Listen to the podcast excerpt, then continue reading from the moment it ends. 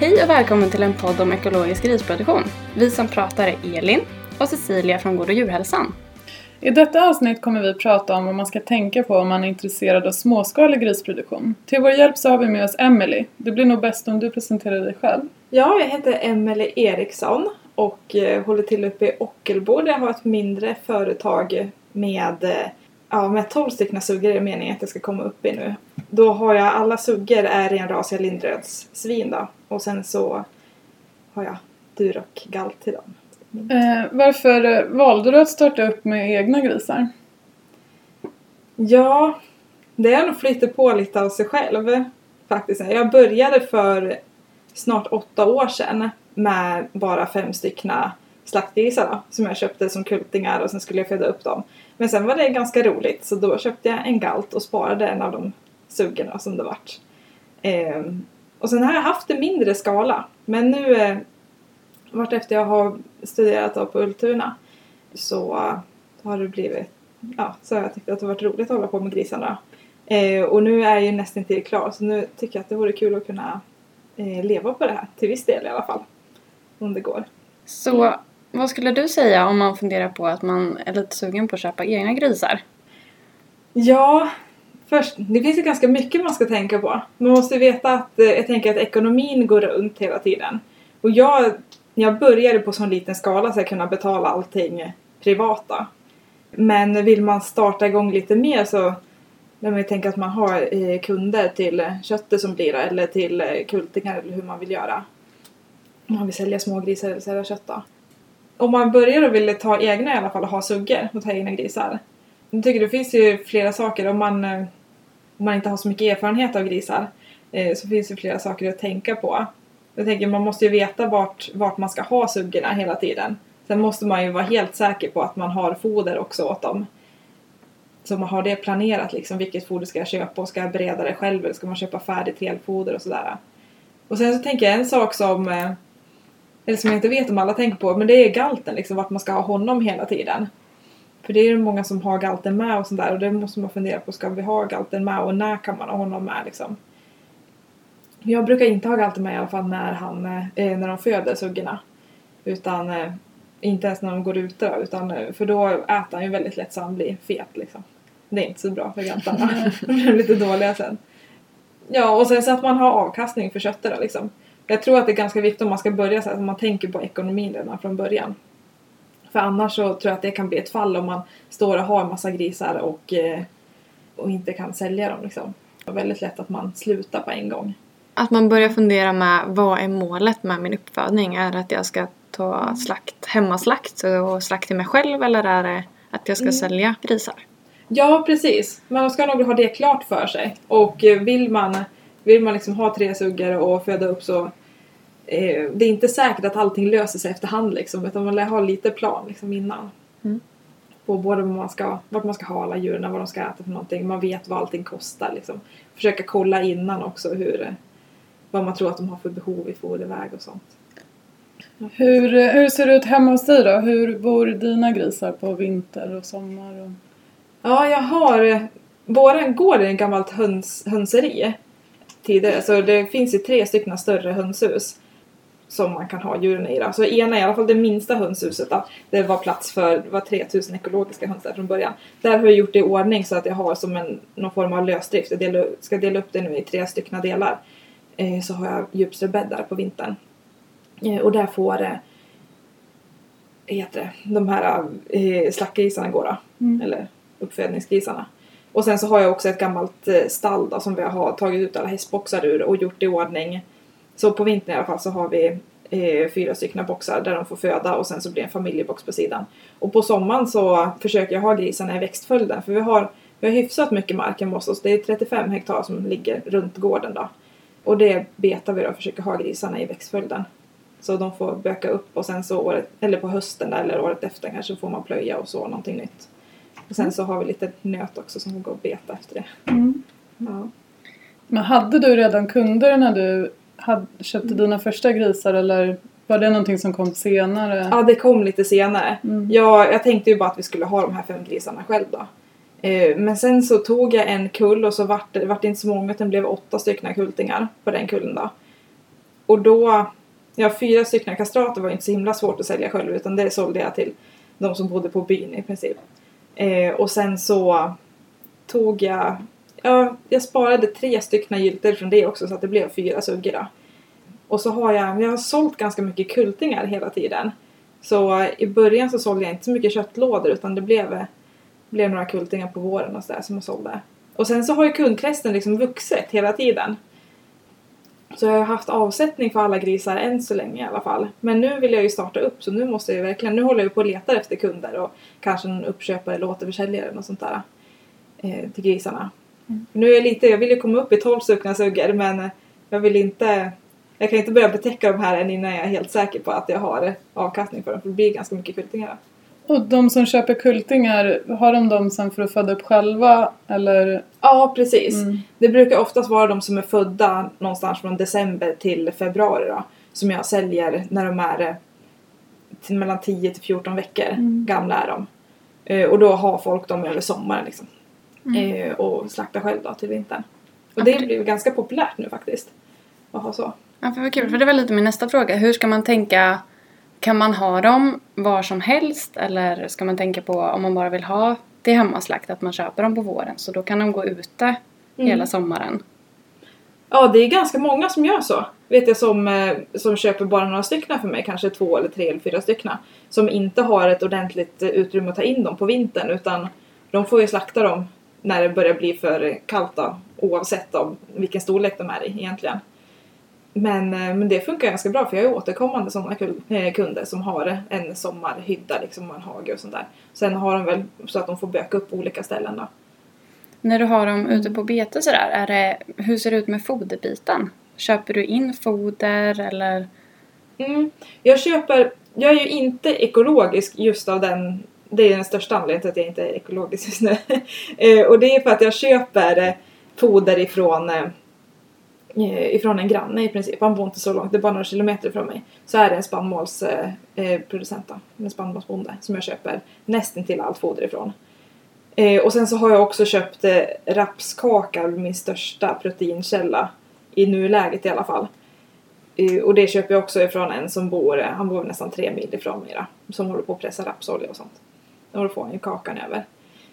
Så jag försöker ju köpa allting eh, lokalt då. Men protein, proteiner är lite svårare eftersom jag bor uppe i Ockelbo då. Jo, vi pratade lite om slakt och hur gör man eh, med slakten? Får man sälja till vem man vill när man slaktar eller hur, hur gör du när du skickar dina djur på slakt och tar återtag sen? Ja, jag har ju... Man får börja med att registrera sig som någon form av primärproducent. Eller jag har... eh, Jag är lite osäker på det. Det har jag registrerat mig hos kommunen. Ska det vara i alla fall. Och sen så får jag... Man får ju inte slakta dem hemma. Man kan ju slakta till sin, för egen bruk liksom. Men man får inte slakta och sälja hemifrån. Så jag fångar ju in grisarna och så kör jag iväg dem till slakterier då. Och där är det precis som en vanlig process att de blir levande djursbesiktade besiktade av veterinär.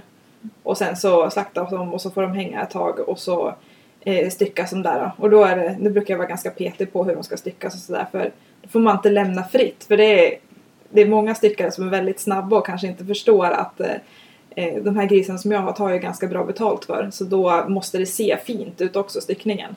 Annars blir det, det, jag tror det spelar ingen roll hur bra djuren har haft eller vilka man för kommer, kommer hem en låda som inte ser snygg ut då kommer alla vara besvikna eller missnöjda och inte handla igen. Så jag har varit med många gånger och styckat. Jag har bytt olika slakterier också. Jag tror jag har haft fyra eller fem olika slakterier innan jag hittade en som, en som jag tycker funkar bra nu. Finns Eh. slakteriet i närheten någonstans? Det ligger ju mer än fem mil ifrån oss. Det är, jag bor ju i Ockelbo och slakteriet ligger nästan, eh, nästan borta i Falun. Så det tar, jag vet inte riktigt hur många mil det är, men det tar två, två timmar ungefär att åka med transport då. Så nu lägger jag transporten och då är det en som, de har ju mjölkkor i vanliga fall då, som har, har utbildning för att få köra djur till slakt då. Mm. Eh, så då kommer hon och hämtar. Men då blir ju det en kostnad istället då, för då betalar du ju 2000 plus moms per gång. Så då har jag ju en minsta antal grisar jag kan köra för att det ska bli lönsamt då. Hur fick du kontakt med slakteriet? Ringde du och sa så här, hej jag har tre grisar jag vill slakta eller? Ja, precis. Det är så man får göra. Jag säger, man får ju vara lite trevlig först och sen så efter ett tag säga ja det är Lindres grisar här också. Och då tycker de att åh nej, då kommer det vara jobbiga grisar, de kommer vara svåra att skålla. Men eh, sen så jag har sagt så också att är det så att det blir jättemycket jobb så kanske jag kanske kan höja eller eh, höja priset lite eller någonting. Har sagt för att man, i alla fall när jag hittar det här bra stället nu som, eh, som jag är nöjd med, då har jag sagt att skulle det vara så att det är jättejobbigt någon gång att skala dem så får de väl ta lite mer betalt. Men de har aldrig gjort det någon gång utan tror att det är mest lite, lite knorr. Liksom. Ska vi förklara om vi har lyssnare som inte vet skillnaden på eh, vanliga grisar eller vad man kallar dem? Gris. Lantrasgris Ja, precis. och Yorkshire och Linderöds. Vad är skillnaden? Ja, ja precis. Linderödsgrisar är ju, de växer mycket långsammare. Eh, och sen så de har generellt mycket mer päls. Eller de är hårigare då. Och liksom ganska grova hår också. Så de blir lite svårare att skålla. Men eh, de, ja precis, de växer ju långsammare så jag skulle säga att de är slaktmogna någonstans vid det kan nog variera mellan 10 till 14 månader egentligen beroende på. Men det vanligaste är någonstans 11-12 månader som jag skickar dem då. Och då väger de ungefär 120 kilo. 110-120 då. Och då kan vi inflika att den som vi kallar vanlig gris, Mm. där brukar vara ungefär vid sex månader. Ja, man kan skicka vikt, dem. ja. Mm. Ja, så det tar, och det gör ju också att eh, de kommer ju äta mer eftersom de lever under ett längre tid för de äter ju inte så mycket mindre egentligen de här. Man kan nu begränsa fodret lite mer till, eh, till dem men, eh, men de blir ju lite kostsammare att ha, helt klart. Men de behöver inte ha lika mycket protein i fodret så deras foder blir lite billigare också. Hur gör du när du, för då så skickar du grisarna till slakt och sen så blir de besiktade, eller vad man ska kalla det. Ja. Och sen så tar du ju återtag. Tar du då halver tillbaks eller blir det att de styckar i mindre bitar eller? Ja, de, jag styckar ju på slakteriet. Eh, har jag gjort. Och eh, ja, det blir då som jag står och pekar och säger hur jag vill ha och sådär. Men nu har jag cyklat ganska många gånger på det här stället så nu börjar de ju förstå vad jag vill ha för någonting. Men jag är lite petig också, vill jag att svålen ska vara kvar på allting.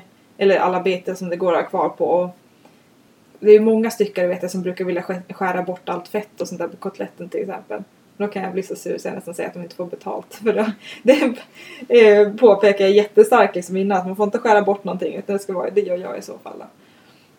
Om jag vill ha så. Men nu har vi ju fått eh, vet du, nu har jag gjort i ordning ett eh, produktionskök i, eh, hemma hos oss då. Så jag har en godkänd eh, produktionslokal där jag får hålla på själv. Så nu börjar jag ta hem mer och mer grovstyckat liksom. Jag tar inte, det är jättejobbigt att hålla på med hela halvor men eh, man kanske får skära ut skinkan liksom och sen kan man hålla på själv med lite småpill i alla fall då. Men annars är det för att det ska vara godkänt då så, eh, så ska ju slakteriet eh, förpacka, eh, vakuumpackar ju inte heller någonting utan de lägger det i här insatspåsar i kartonger då.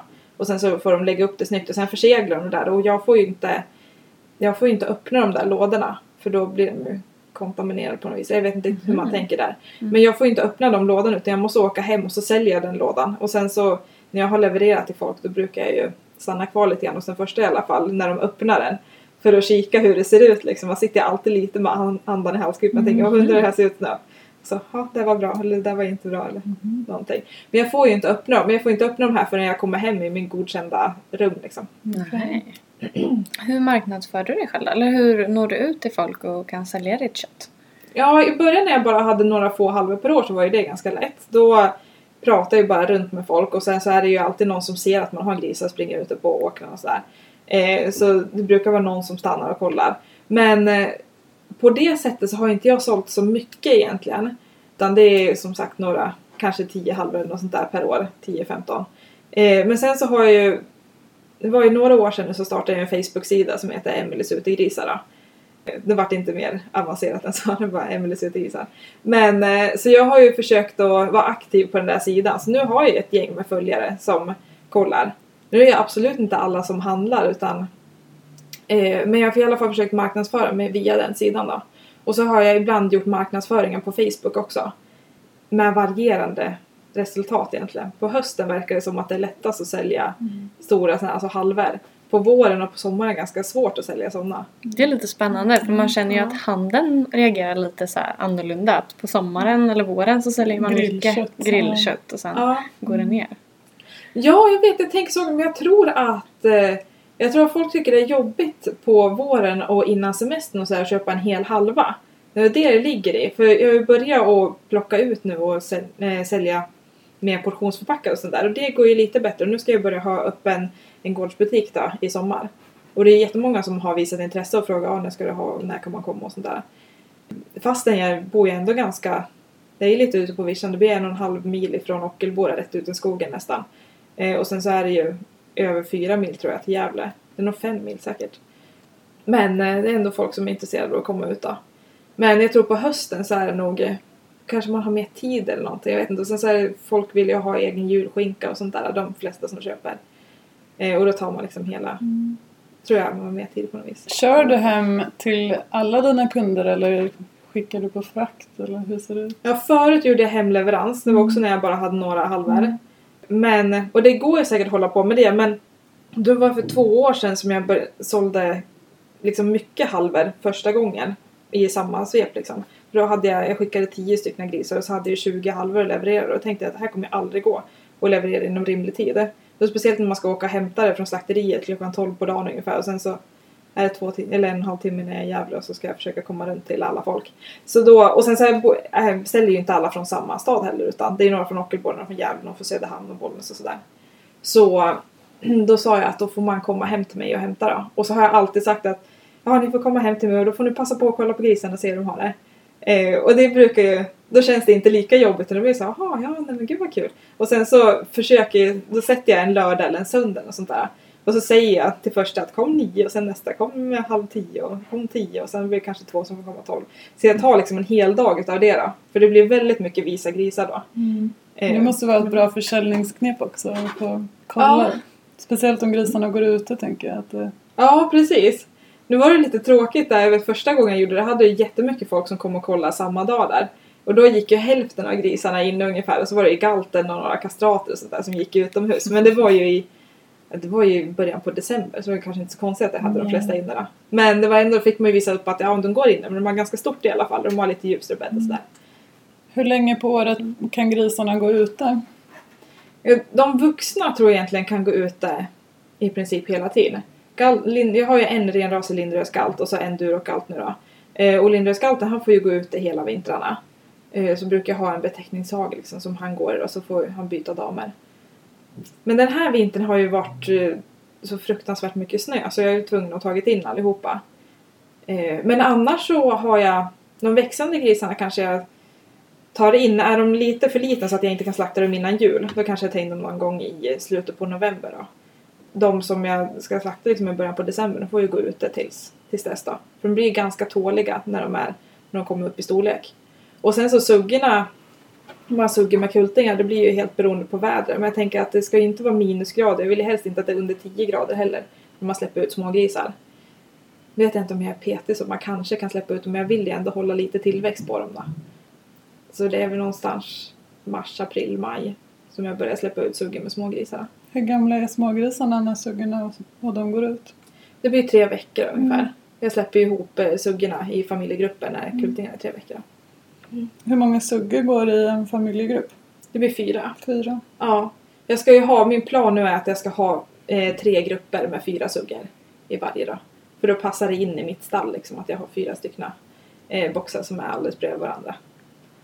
Så. Vilken djurkategori ska man börja med om man är intresserad av att själv köpa grisar? Ja, jag tycker att jag började ganska bra med att köpa fem stycken kultingar. Då får man ju känna av dem lite grann och så här. Och så, jag gillar jag vill ju att suggorna ska vara riktigt tama när man håller på med dem. Så att de blir lätthanterliga. Jag har nog mått att eh, jag vill att suggorna som jag sparar för avel, de, eller att ta kultingar på, de vill jag kunna sätta sprutor, alltså vaccinsprutor på frihand då. Så man inte ska behöva sätta fast dem.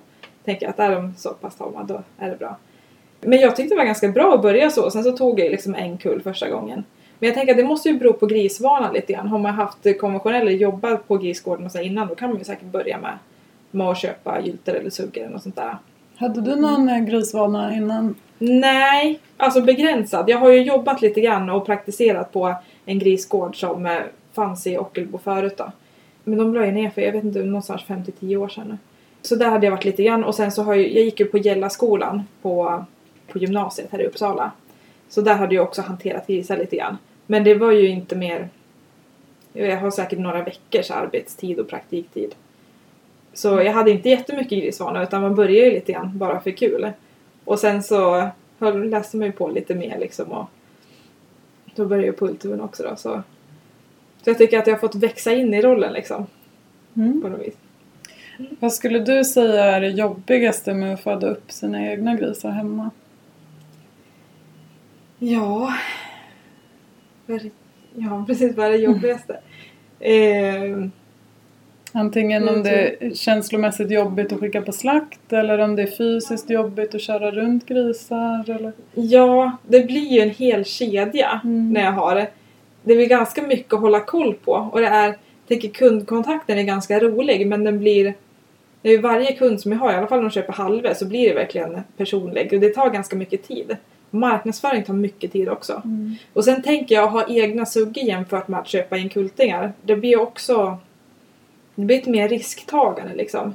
För eh, nu har jag med Lindre-suggorna tänker jag, de ska ju vara bra mammor och de är jättebra mammor också. Men eh, det är ju of- ofta, men det händer ju ibland att det är någon gylta som slår fel och eh, inte alls vill ta hand om sina kultingar och sånt där. Och då har man ju en hel kull och när inte jag har så många suggor så blir det ett stort tapp liksom. Mm. Och sen så nu har jag fått erfara också mina damer som har varit med ett tag. De har ju börjat att bli dåliga mammor på alltså de sista kullarna här. Så nu har jag börjat fått gallra lite igen. Det är lite tråkigt när man har haft suggorna ett tag liksom. Mm. Men det, nu har jag ändå hållit på några år så nu börjar jag få några, några damer som börjar bli lite äldre. då. Vad skulle du säga är det roligaste med att föda upp egna grisar? Ja, man får ju en sån personlig kontakt ändå med, det är ju framförallt suggorna som jag håller på med. Jag tänker att de här jag hand om liksom och så fixar de med små grisarna. Och sen så får man ju... Men eh, jag tycker grisar är roliga djur liksom. Det är, de är trevliga att hålla på med, de är ganska smarta liksom och jag tycker man får en ganska bra kontakt med dem. Och sen så är det ju väldigt kul Alltså varje gång som det sitter, kommer kultingar så sitter man ju där inne och håller på och kikar och sådär. Det tycker jag tycker är lika häftigt varje gång verkligen.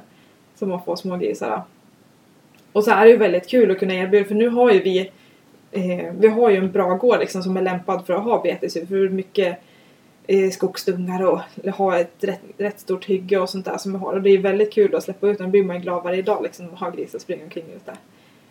Så jag, ja, jag tycker att hela produktionen, alltså allting är roligt. Nu är det visst att det är mycket som tar mycket tid och sånt där. Och så än så länge har jag inte kunnat ta ut nästan någon lön så det är ju klart det är lite tråkigt också men det får man ju försöka fixa till. Men ni har inte haft några problem med vildsvin? Ja, ja nu bor jag så pass norr, långt norrut så det har ju knappt eh, Det finns ju knappt något vildsvin men vi har haft flera eh, Flera stycken som har kommit upp. Nu vet jag utanför, vi har ju sett själv tre stycken vildsvinsgaltar eh, som har varit och hälsat på. Och det var ju för Det är lite över ett år sedan nu så hade vi faktiskt en galt som var inne i eh, hagen till oss och vi fick tre stycken korsningskullar. Det var lite oplanerat. Har- Det måste vara Ja. lite stressande att se en stor vildsvinsgalt Ja. i hagen. Så. här. Ja, det var, det var...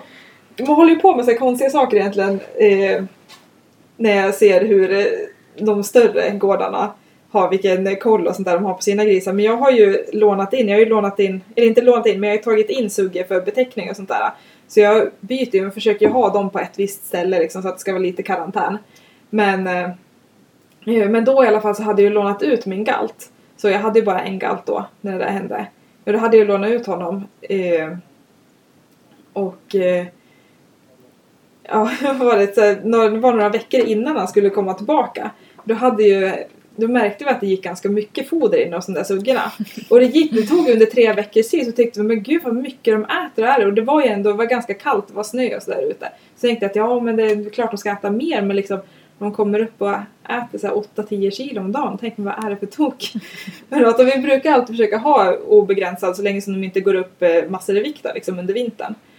Men sen så såg vi när pappa kom ut en morgon så såg vi att eh, det var en galt som, alltså först kom suggorna ut ur hyddan och sen så kom det vildsvinsgalt som bara sköt iväg liksom över åkern och så hoppade han, tog eh, både två stycken staket och ett dike, ett språng liksom. bara hoppade över. Han bodde hos dem. Ja, han, trodde, han sov ju inne hos dem på natten. Han måste ju varit där och ätit. Fast, och det har ju säkert hållit på. För jag räknar ju tillbaka sen när första kullen kom. Och då var det från att vi såg honom första gången så var det tre veckor tidigare Mm. som han var betäckt. Och vi visste ju att det var ju några veckor som hade eller hade gått väldigt mycket för mer foder då.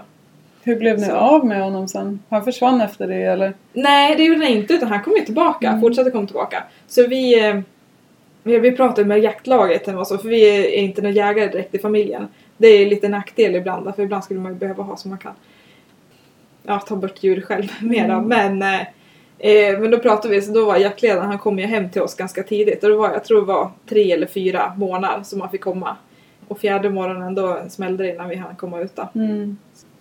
Ja, så vi blev av med honom på så vis. Och så har det varit med de andra också för det är ju tre år på raken. Nu förra, alltså den här vintern har vi inte haft någon vildsvin som vi har sett i alla fall. Men tidigare så är det tre år bakåt som vi har haft en galt varje vinter. Mm. Men de har ju blivit skjutna på ett eller annat sätt då.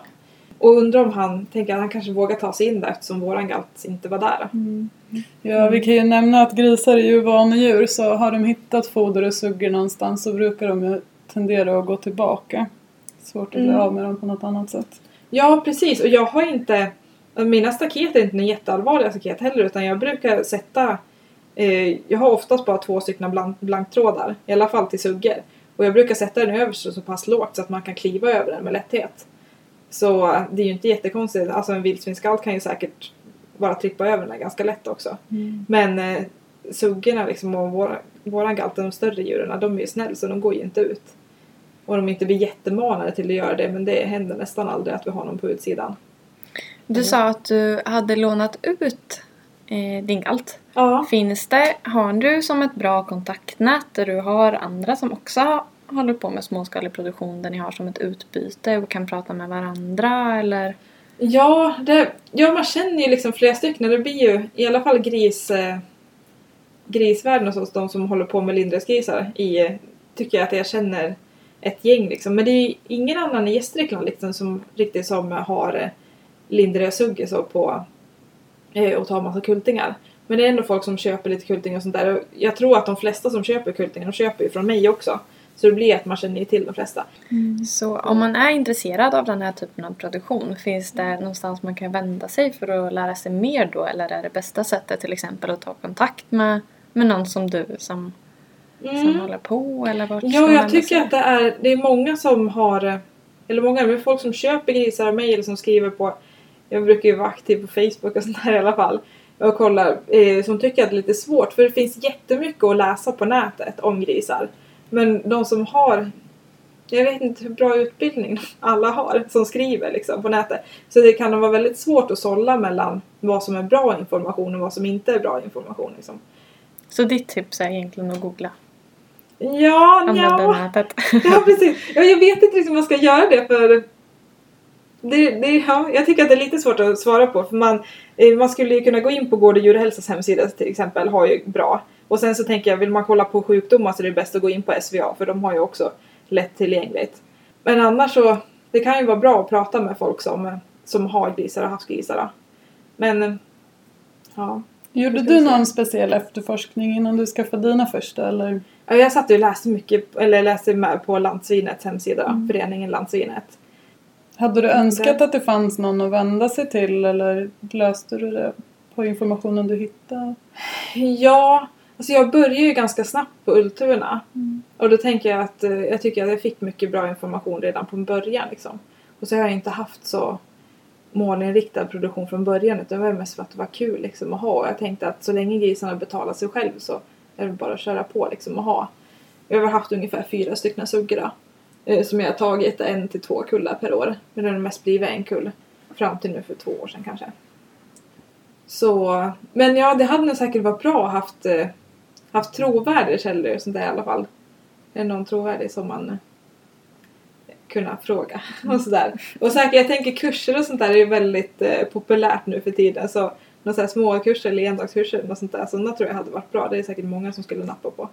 Vad är målet med din produktion idag då? Har du, har du någon målbild? Ja, jag har ju... Jag tänkte redan när jag skaffade första grisarna, eller inte första grisen utan eh, det när jag bör, sparade min första sugga. Då tänkte jag att jag hade tyckt det var väldigt kul att komma upp i en så pass stor produktion så att man kan erbjuda liksom ut, kött från utegrisar till alla som är beredda att betala, alla som är intresserade i alla fall. Så jag tänkte jag har ju velat komma upp i en hyfsat stor produktion men den ska inte vara för stor heller för jag vill fortfarande kunna ha ganska stora hagar och ha så att det ser det ska se mysigt och trevligt ut liksom. Men Eh, då kan men- du inte tänka dig att gå över och bli kravproducent till exempel. Utan du, du vill hålla fast vid konceptet utegris. Ja, det är det som är viktigast. Sen så, jag har ju kollat, jag kollar ganska allvarligt på att bli eko, nu för, för jag pratade med en som sa att jag köper alla grisar du har bara det blir ekologiskt. Så jag tänkte ja vad bra. Då, då blir jag det. Eh, men sen så var det ju det var en ganska snabb tanke som jag fick då och så började jag kolla upp för vi har ju några nötkreatur också, vi har ju eh, lätta köttraser. Och de har vi ju EU-ekologiska. Så då pratade jag bara med våran revisor där och eh, kollade vad jag behövde göra för någonting. Och själva byggnadsmässigt och djurmässigt liksom behöver jag nästan inte göra några förändringar alls. Utan det är ju fodret som jag behöver förändra. Och då eftersom jag köper allting ifrån byn nu så tänkte jag att jag borde kunna hitta någon. Men det finns liksom ingen som, som odlar ekologisk spannmål och säljer. Utan de som odlar de ger ju till sina egna. Det är ju mest nötdjura. Så jag tror aldrig jag skulle kunna få ihop i alla fall de mängder jag behöver. Och då börjar jag kolla runt och då måste jag antingen köpa nerifrån Uppsala eller från Dalarna. Som jag kunde hitta.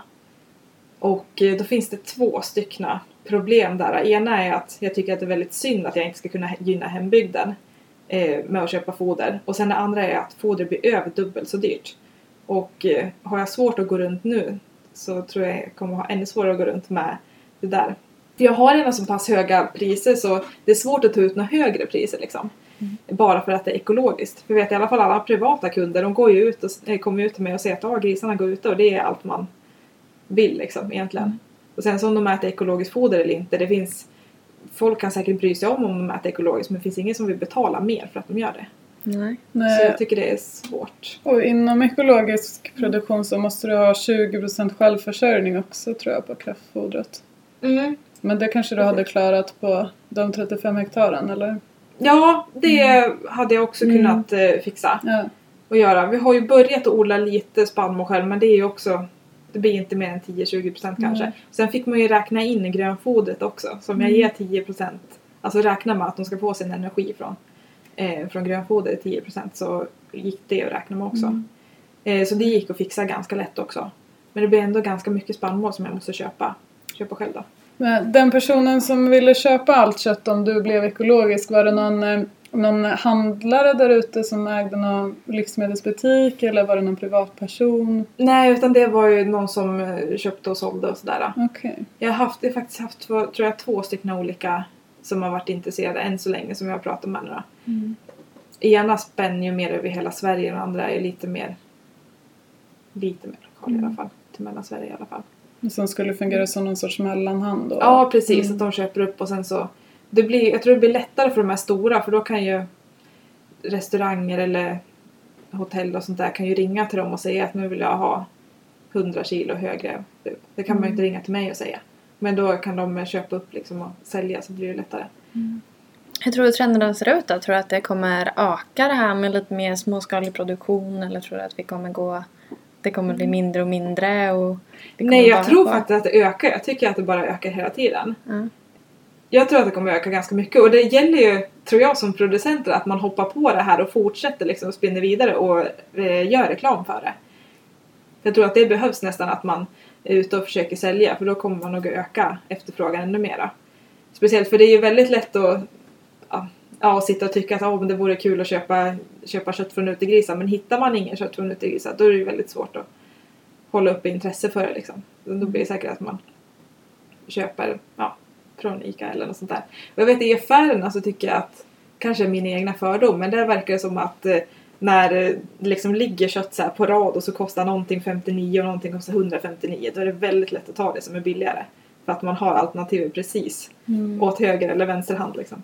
Det ledde väldigt snyggt in på en liten avslutande fråga här. Ja. Varför är det viktigt att vara en medveten konsument som funderar över vad man köper i affären? Ja, precis. Varför är det viktigt? Det är... Mm. Ska jag så fundera på. Jag tror, jag tror man får lägga sina egna värderingar liksom. Vad man vill ha för någonting. Eh, både både liksom djurvälfärdsmässigt men sen tycker jag att det är ganska viktigt att vi både för självförsörjningsgraden och kanske för naturen och så här att vi köper från Sverige då. Så det tycker jag. Jag hade ju velat, se, velat att folk köpte svenskt till att börja med och sen så vill man köpa utegrisar och sådär också vore ju det jättebra liksom. Jag har bara en fråga till. Mm. Ehm, vilken är din favoritstyckdel på grisen? Mm. Jag skulle nog säga eh, karen då i så fall. tycker jag är bäst. Mm. Jag brukar ta, jag har den hel på benen och brukar ha i ugnen bara. Mm. Eh, den tycker jag nog är bäst faktiskt. Vilken tycker du är bäst Cissi? Baconet. Bacon. Mm, älskar bacon. Vad tycker du är bäst? Jag gillar kotletter. Då. Kotletterna? Mm. Ja. Tycker jag är Hela grisen är fin. Ja. Ja. Men det är sant bacon alltså. Mm. Det- har, har vi kollat länge på att vi skulle skaffa någon form av rök så man kan göra riktigt Mm. bacon. Det är jättedyrt med rök. Ja. Men det blir gott sen. Ja, jo det blir väldigt gott. Ja, men eh, då tackar vi Emelie jättemycket för att du ville komma hit och berätta om din grisproduktion du har hemma. Mm. Jättetrevligt. Mm, Ja, superkul precis. verkligen. Jätteintressant. Kul att ni ville lyssna på våran podd. Denna podd finansieras av Europeiska jordbruksfonden för lantbruksutveckling. Vi hoppas att ni fortsätter lyssna på följande avsnitt.